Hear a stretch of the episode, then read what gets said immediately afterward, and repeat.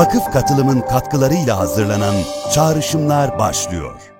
Abi Mevlana Hazretleri'nde biliyorsun. 25 bin tane beyit var Mesnevi Şerif'inde. Yüz binlerce kelime var tekrar eden. Bütün derdi bu adamın 25 bin tane beyit yazmasının sebebi karşıdakine Allah dedirtmek ya.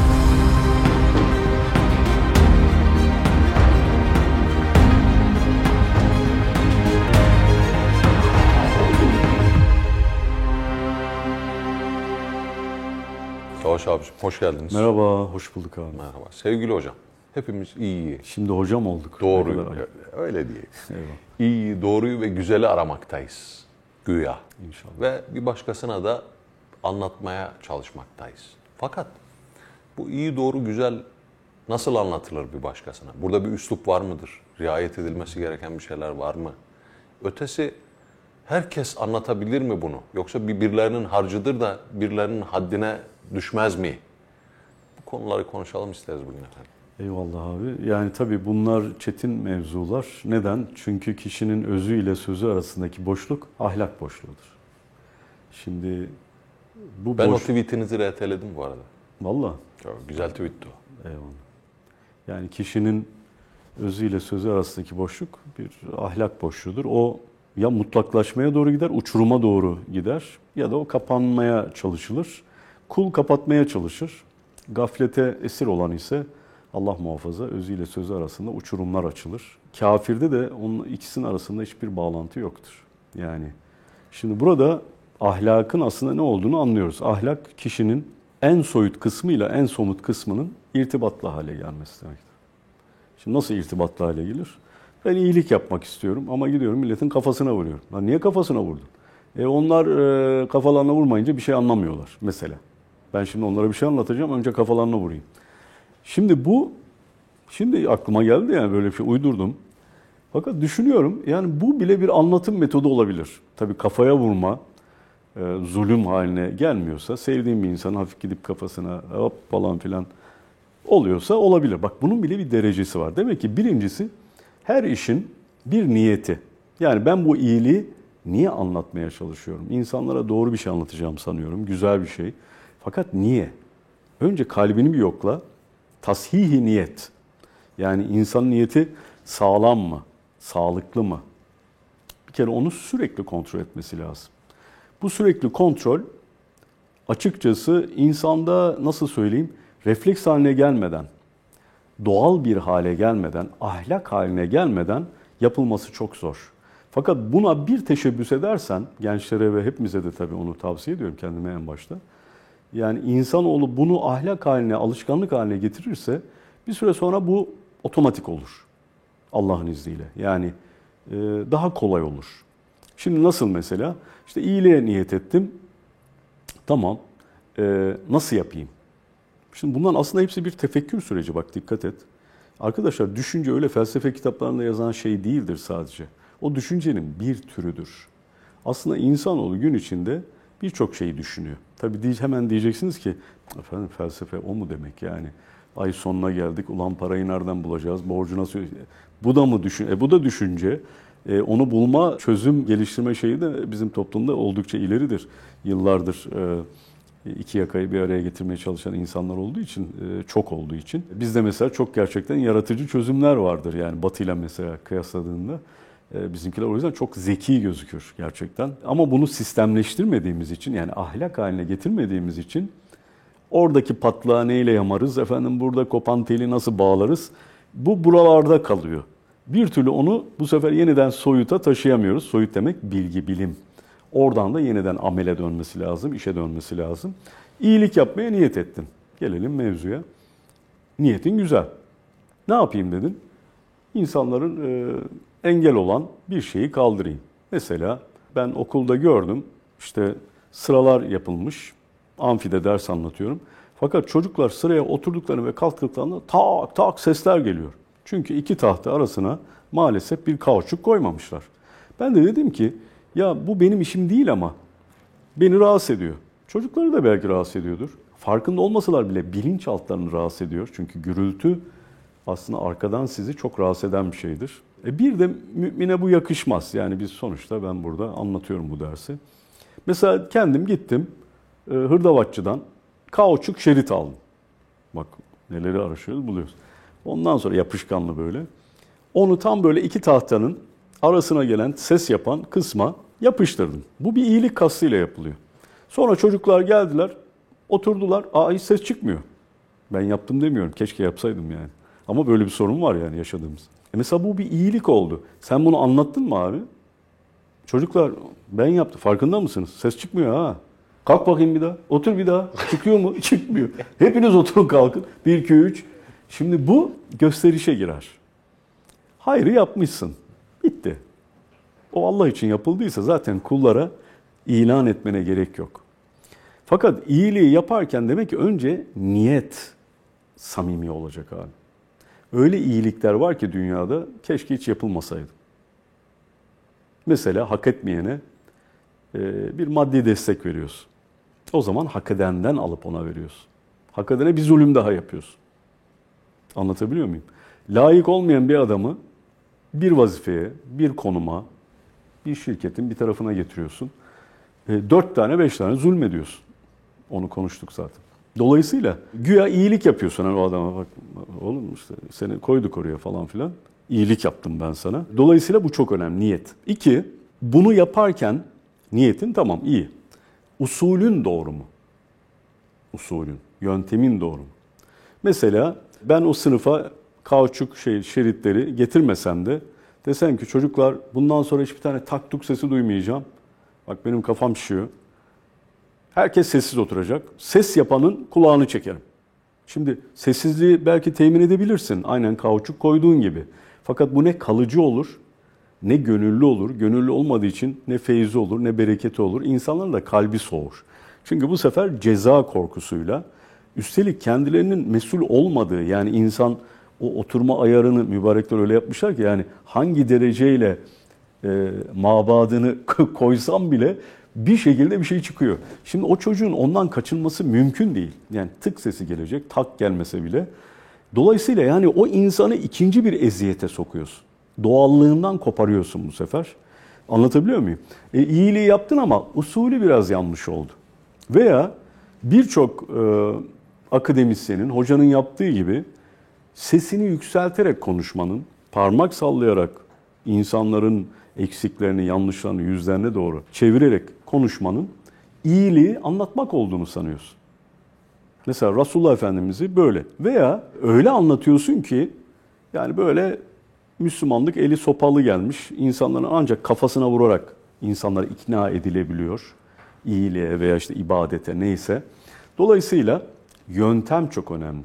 Şimdi Allahu Teala Resulullah Efendimiz ayet-i kerimede buyuruyor. Kafirleri bile uyarırken e, mealen söylüyorum. E, güzel sözle uyar. Bu emrediyor yani Resulullah Efendimiz'e ki öyle öyleydi zaten. Fakat biz bundan örnek almıyoruz abi. Yani anlatmamız da falso. Güzellik an, sanat anlatıyoruz. Sanat anlatan adam benim gibi kıyafeti falso en başta. Yani en azından o derse biraz değil mi? Hani güzellikle ilgili bir şey konuşacaksın. Yani bir renk uyumuna dikkat et. Efendim o e, bizim çok yaygındır. Kahverengi hırkalardan giyme. Tamam mı? Gri takım elbise giyme. Onların çizgileri de olur muhtelif e, Anadolu'nun köşelerinde. Bu arada iki programdır ayrı bir şıksınız. Çok teşekkür ederim. Bir, Hanımın bir, bir el atılmış bu. Evet, hanım hanım imajımızı yapıyor sağ olsun.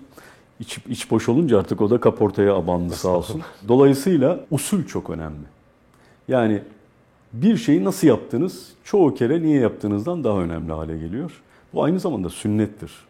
Ee, bir gün bir derste şey yaptım, e, test yaptım. Çocuğun birisi, daha önce anlattım bilmiyorum. Böyle karalamış şıkları. Yani okun, okunmaz bir halde. Doğru şıkkı anlayamıyorum. Her tarafa böyle çizikler atılmış falan. A, B, C, D. Çocuğu çağırdım. Çıkıyordu tam kağıdı verdim. Dedim yavrum dedim bunu dedim asistanım okuyacak. Bir hadis-i şerif var duydun mu dedim. Nedir hocam dedi. Kolaylaştınız zorlaştırmayınız.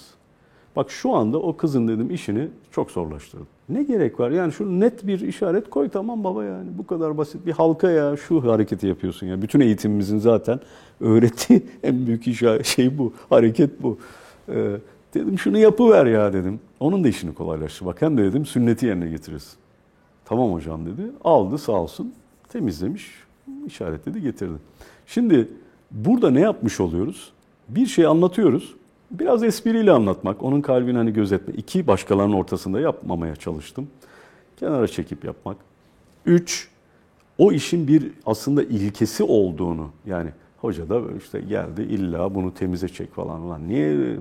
Al işte belli değil mi? Değil ama onun bir mantığı var. Bir sebepten söylüyorum. Buna da sabırla izah etmeye çalışmak. Arkadaşlar bu da çiledir. Bakın bir sürü alim, bir sürü arif, bir sürü yazar aslında çile çekerek insanlar normalde bilmesi gereken, kendilerinin öğrenmesi gereken, zaten içlerinde olan şeyleri ısrarla onlara hatırlatıyorlar ya. E yani bu çiledir yani. E babacığım sen de bul. E al oku. Aynı kitaptan ben de okudum. İkisini okusun bana ne demiyor. Olsun diyor. Bir daha anlatayım. Böyle anlatayım. Şu örnekle anlatayım. Olmadı öbürüyle anlatayım. Bu konuda usul konusunda hakkı, doğruyu, iyiyi, güzeli anlatma usulünde Resulullah Efendimizin belagat-i nebevisi esastır. Hiçbir hadis-i şerif süslü kelimelerden oluşmaz. Ben buna çok dikkat ettim. Uzun uzun cümlelerden oluşmuyor. Uzun hadis-i şerifler var. Fakat hepsi çok net ifadelerden oluşuyor. Yani böyle secili, efendim süslü, efendim sanat, edebiyat gösteren şey yoktur abi. Fakat belagat var orada. Ne demek yani? Söylemek istediğini en net ve çarpıcı bir şekilde söylüyor. Şimdi bundan örnek alan alimler ve arifler de sohbetlerinde, bahislerde, yazdıkları şeylerde net olmaya çok dikkat etmişler. Bu şu demek değil, edebiyat olmaz, işte o saçma, hayır o değil. Fakat insanlara doğruyu ve güzeli anlatmanın çok yolu var. Yeter ki kendini karşıdakinin yerine koy ve kendin ol. İki tane kuralı var. Bu da ahlakın kuralları zaten. Yani bak bu da ahlak oluyor. Çünkü kendin ol, kendini karşıdakinin yerine koy. Ahlakın temel iki ilkesi. Ben hep talebeler öyle derim. İki şeyi bilirseniz ahlaklı olursun. Nedir o? Kendin ol, samimi ol yani. İki, kendini karşıdakinin yerine koy. Sana birisi öyle gelip uyarsaydı hoşuna gider miydi? Sana birisi velev ki hak bir şey anlatırken bile nobranca anlatsaydı, seni böyle cahil yerine koyarak, işte ama bunudan bilmiyorsunuz kardeşim falan, biz mi anlatacağız diyerek başlasaydı ne kadar kötü. Veya aşk denen illet diye başlasaydı. Yavrum illete yakalanmışsın Allah şifa. Aşka böyle diyen insanlar var. E, öte taraftan başka bir Arif de diyor ki aşık değilsen halkamıza gelmezsen mutlu oluruz.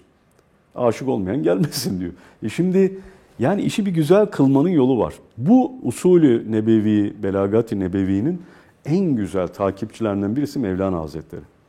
Abi Mevlana Hazretleri'nde biliyorsun. 25 bin tane beyit var Mesnevi Şerif'inde. 50 bin mısra demektir yaklaşık. Bildiğim kadarıyla. Yüz binlerce kelime var. Tek, tekrar eden. Şimdi diyorsun ki Allah Allah bu adam amma yazmış ya. Beş cilt gerekir miydi ee, acaba? Halbuki Mevlana Hazretleri bak orada sana bir heceyi söyletmek için karşıdakine. Bir kelime bile değil. Hu dedirtmek için. Neler yapıyor? Neleri deniyor? Kaç tane şey deniyor? Fıkra anlatıyor.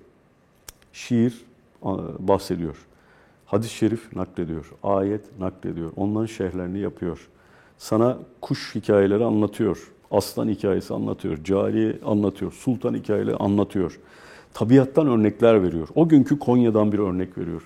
Geldiği yerdeki coğrafyadaki tarihi olaylardan örnekler veriyor. Yaşadığı olaylardan örnek. Yani ağzından giriyor, burnundan çıkıyor. Bütün derdi bu adamın 25 bin tane beyit yazmasının sebebi karşıdakine Allah dedirtmek ya. Sen şimdi bu çabayı takdir etmiyor musun? Yani bu zat bir şey yapmaya çalışıyor. Halbuki kendisi de kendine hamuş diyor. Yani ben konuşmasam ne güzel olur. Hiç şeyi söylemeseydim diye rubaileri var biliyorsun Divan-ı Kebir'de. E şimdi ben Mevlana Hazretleri'nin bu şeyinden gerçekten çok etkilendim. Yani bunu fark ettiğim anda Allah Allah demek ki insan bir şey anlatmak için her imkanı denemeli. Ama güzel anlatmak için yani sevdirmek için o köprüyü benim kurmam lazım. Çünkü bilmeyen köprü kuramaz. Bilenden bilmeyene doğru köprü kurulur. Buradan başlanır, bu yakadan başlayacak. Ama o köprüyü yamuk yumuk yaparsan, insanların yürüyemeyeceği bir halde karşıya kurmaya çalışırsan o köprü insanların geçmek istemediği bir köprü olur. O yüzden muhabbet en büyük köprüdür. Yani bilenin bildirmesinin en önemli şeyi samimiyet ve muhabbettir. Onu samimiyetle anlatıyorsa, muhabbetle anlatıyorsa Allah'ın izniyle bu taraftan o tarafa bir şeyler gider. Neyse artık. Kabul eden eder, etmeyen etmez. O ayrı mesele. O alıcının işi, o benim işim değil. Yani hiçbir kitabın yazarı, hiçbir e, videoda işte böyle bizim gibi gevezelik edenlerin işi karşıdakilerin mutlaka her anlattığı şeyi kavraması değildir. Bir, e, kavramak zorunda değil. İki, seni dikkat etmek zorunda da değil yani. Sen kimsin yani? Ya kendini de o kadar yüksek yere koyma. Üç, o adam o anda canı sıkılıyor, maç seyrediyor. E seyretsin baba yani ne yapayım? o da iyi. Bir şey diyemem ki. Ama buradan bir şey bile hani benim niyetim sahih ise, iyi ise ya bir şey de kapsa ne güzel. Bir sınıfta bir talebem bir cümlemden bir şey kapsa ne güzel. Ama onun için bin çaba sarf etmen lazım. Biz bunun zıttını yapıyoruz.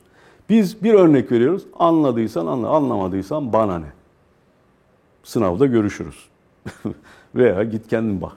Madem bu kadar iyi biliyorsun. Hep böyle bir tekebbür ve karşıdakini techil etme, cehaletle suçlama mevzumuz var.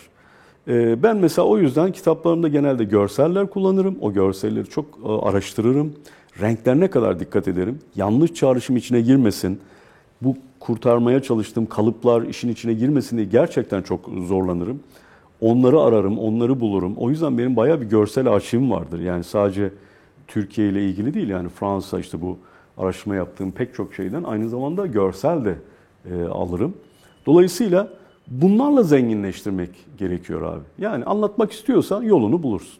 Şimdi karşıdakini hiç suçlama. Ben hep söyleyeyim. Gençlere işte efendim gençler anlamıyorlar. Gençler bu işlerle ilgi duymuyorlar. Acaba senin de hatan olabilir mi? Sen biliyorsun da acaba bilmeyi sevdirdin mi? Sen niye dikkat çekici değilsin? Yani senin bu üslubun zaten kimsenin dikkatini çekmez ki. Kaçar adam ya. Sen e, güzelliği anlasan adam der ki ben çirkin olayım. Bu herif güzelliği anlatıyorsa aman abi, aman uzak olsun. Yani bu da iyi bir şey değil, bu en kötü şey. O yüzden evet niyet çok önemli, usul çok önemli ama üçüncü şey samimiyet ve karşıdakine hep hürmet etme, karşıdakini esas alma. Ahmet Emiş Efendi Hazretleri'ni biliyorsun. Büyük bir halveti mürşididir. Onun bir abi askeri okulda talebesi varmış Osmanlı zamanında Nevres Bey, Fransızca muallimi. O bir gün geliyor Ahmet Hamiş Efendi Hazretleri'ne diyor ki efendim ben dersi nasıl vereyim? Talebelere nasıl ders anlatayım? Diyor ki oğlum diyor sen talebeye bırak onlar sana nasıl anlatman gerektiğini zaten idare ederler. Bu bugün işte öğrenci merkezli eğitim denilen şeydir. Yani ha aa, bak onlar da bize gel. O değil tabii o komplekste de değilim de. Hakikattir bu hikmettir yani. O da isabet ettiyse ne güzel kendisi için. Fakat buradaki hikmeti alalım. Ne demek istiyor Ahmet Hamiş Efendi Hazretleri? Yani sen karşıdakini esas alarak ders anlat. Kendi bildiğine göre değil. Ben de hocamdan böyle görmüşüm, ben de böyle anlatayım. Elimi cebime sokayım. Amerika'da zaten böyle anlatıyorlardı. Efendim oradan PowerPoint'e bir şey göstereyim. Arada bir iki İngilizce kelime çakayım. Bir, bir iki filozof ismi yabancı çok iyi olur. Niye? Talebeler hiçbir şey anlamıyor ama ulan adam herhalde bir şey biliyor. Bizim hoca bir şey hiçbir şey anlamadık ama yani. Dedis desinler. Demek ki üslup bizatihi ahlaktır. Ben açıkça söyleyeyim. Üslubu üzerine çalışan adam usulü üzerine de çalışıyordur. Usulü üzerine çalışan ahlakı üzerine çalışıyordur. Çünkü bigane olmaz o zaman. Bana ne yani ben böyle anlatıyorum herkes böyle anlasın. Bana bir üstad bir gün dedi ki Savaşçım dedi ben dedi artık dedi gençlere dedi üniversiteye gitmiyorum dedi. Niye hocam ders veriyordunuz falan. Çok kıymetli bir zat yani. Dedi ki sanat alanında ya dedi Savaşçım ben onların dilinden anlamıyorum. Onlar da benim dilimden anlamıyor. Olmuyor dedi. E dedim ki üstad yani bilmeyene kabahat bulunmaz ki. Bilenindir mesuliyet. Sizin bildirmeniz lazım. Zekat sizin, adamın değil. Adam zekatı alacak. Senin vermen lazım. Bir yolunu bulup vereceksin. Bir şekilde vereceksin ve o kabul edecek onu. Hoş e, kalple kabul edecek. Dolayısıyla eğitimde, çocuk yetiştirmede, toplumsal işte hayatımızda, otobüse binmede, inmede, televizyondaki tartışmalarda, farklı fikirdeki insanlarla yahu bir hürmet. Bakın hürmet diye bir kavram var. Hürmet, hürmet. E adam efendim saçmalıyor falan. E tamam o da saçmalasın. Çünkü şöyle düşün. Ya karalığın olduğu yerde ak zaten kendini gösterir. Ha, sen bu kadar doğruysan, söylediklerine bu kadar emin isen, e onun da saçmalığı zaten kendiliğinden ortaya çıkar. Yani şöyle başlaman gerekiyor mu? Sen de hiçbir şey bilmiyorsun. Ne saçmalıyorsun? Ben bunu İngiltere'de okudum. Sen biliyor musun ben nerelerde çalıştım ben ne işler yaptım? Tipik şeyler yani. Bunların hepsi aslında kompleks ve kişiliğin zaaflarıdır. Ahlak zaaflarıdır abi. Ben küçümsemiyorum. Bu bir ahlaktır. Yani hırsızlık yapıyorsun, vay ahlaksız. Arsızlık yapıyorsun, vay ahlaksız. Ama kimse şunu demiyor. Ya babacığım sen bile bile üslubunu insanları aşağılayacak, hor gösterecek, bilmeyen insanı böyle yerin dibine sokacak şekilde konuşuyorsun. Bir de bana kendine İslamcı şair diyorsun. İslamcı yazar diyorsun. Bense dininizi anlatıyorum diyorsun. Ayet okuyorsun, hadis okuyorsun. E sen de ahlaksızsın. Bu üslup ahlaksız bir üslup. Kimse demiyor. Çünkü sünnetle kimse kıyaslamıyor. Yani ölçü sünnettir. Resulullah Hani, Efendimiz hani sen de böylesin falan derken bana değil de kameraya bakarak söylerseniz memnun olurum. bak bana bak kameraman. ya o çocuk iyi ya ona bir şey diyemem. Eyvallah. Seni daha iyi tanıdığım için. Yok sana Bunu, demem. bunu aslında mahsus söyledim abi. Çünkü böyle bir şey söylendiği vakit 30 kişi otursak burada. Siz bunu anlatsanız hepimiz diyeceğiz ki Savaş abi filancaya Bana söylüyor bunu. canım, Bana anlatıyor. anlat. Bu alıcı da önemli değil mi? Evet. Bana söylüyor. Abi Arif ile e, gafil arasındaki fark oymuş. Topluluğa bir söz söyleyince Arif dermiş ki bu bana söyleniyor. Cahil de dermiş ki filancaya. Kimle arası bozuksa veya aşağılamak istiyorsa ona söylüyor canım. Biz bizde öyle bir şey yok. Hatta onunla ilgili sana bilmiyorum bu programda kayda aldık mı ama e, belki anlatmış olabilirim özel sohbetlerimizde. Ahmedül Haznevi Hazretleri'nin e, bir hikayesi. Bir gün bir halifesine diyor ki şu ibriği al, abdest ibriği. Şöyle diyor köyünde şöyle tarlaya doğru gidelim orada e, oraya doğru benimle gel diyor. Şimdi halifesi çok şaşırıyor çünkü Ahmedül Haznevi Hazretleri kendi işini kendisi gören bir zat. O tür şeyleri, hizmetleri kimseye yaptırmıyor yani. Kendi abdestini kendisi dökür, alır yani. Garipsiyor ama biraz da korkuyor yani tabii. Bilenler korkanlardır yani. Bizim gibi değil. Neyse yanında gitmiş tarlaya doğru geldiklerinde Ahmet Laznevi Hazretleri halifesine diyor ki İbriği bırak diyor ben abdest almayacağım abdestim var. Ben seni başka bir şey için buraya çağırdım. Onun üzerine adam da abi betbeniz atıyor. Allah diyor bende bir şey var eksik var. Ben belki bir çok büyük bir hata yaptım. Bak herkesten ayırdı beni bir vesileyle. Allah biz burada bir dayak yiyeceğiz diyor korkuyor. Buyurun efendim diyor. Diyor ki ben seni buraya şunun için çağırdım. Sen diyor alimsin.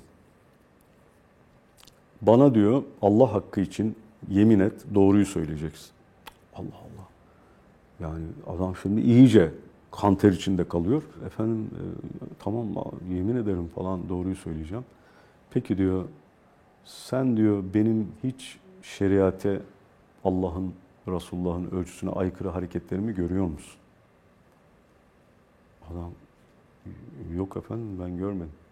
Eğer diyor gördüğünde uyarmazsan mahşer günü iki elim yakanda olur. Yemin ederim sana. Çünkü sen alimsin diyor. Bunu kriterini biliyorsun yani. Şimdi mesela bu ne ölçüsü abi? Şimdi menkıbe anlattık. Ne kadar büyük. Onları da yad etmiş olduk o büyük insanları. Fakat şunu yani Arif önce kendisinde bir kusur olduğu zannıyla hemen hareket ediyor. Yani, Allah ben apı yuttum. Ya bende bir kusur var. Bunu dediğine göre.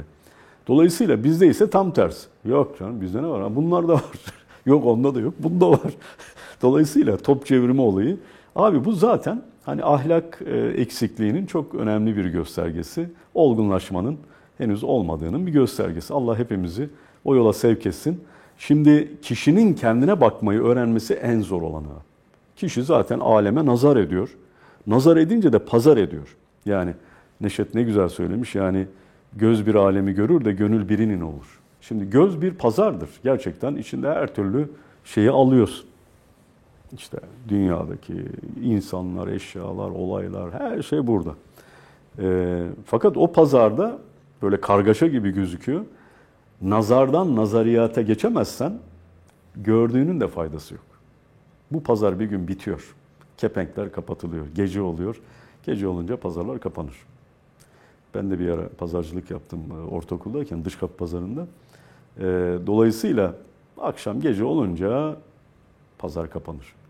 O pazar kapanmadan evvel nazarla pazarı bir araya getirmen lazım. Neyi alacağını nazar etmen lazım, onu seçiyor olman lazım. Her gördüğünün de pazarını yapmayacaksın, her gördüğünün de e, müşterisi olmayacaksın. Bunu seçmenin de esası nazarını nazariyata yani Allahu Teala'nın Resulullah Efendimizin nazarına bağlamaktır. Bu da ancak hikmetle olur. Hikmet de ahlakla elde edilir. Bilgi değildir hikmet. Bilgi araç olan şeydir. Hikmet olgu olan şeydir. Bilgiden çok üstedir. Çünkü ahlakla hamurlanmış bilgi demektir. Yani yapılarak olunan şeydir. Oldum yeniden bildim, yeniden bildim, yeniden yaptım. Yaptım, yeniden bildim, yeniden oldum. Bu böyle bitmez.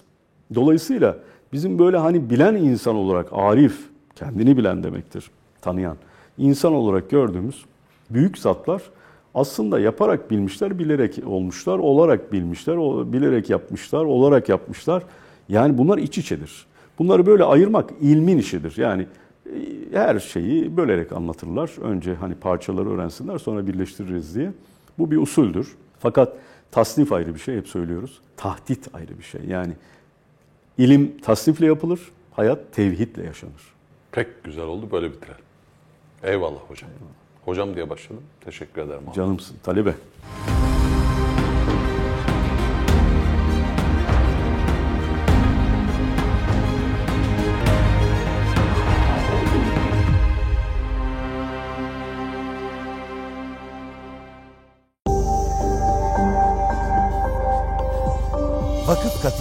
Katkılarıyla hazırlanan Çağrışımlar sona erdi.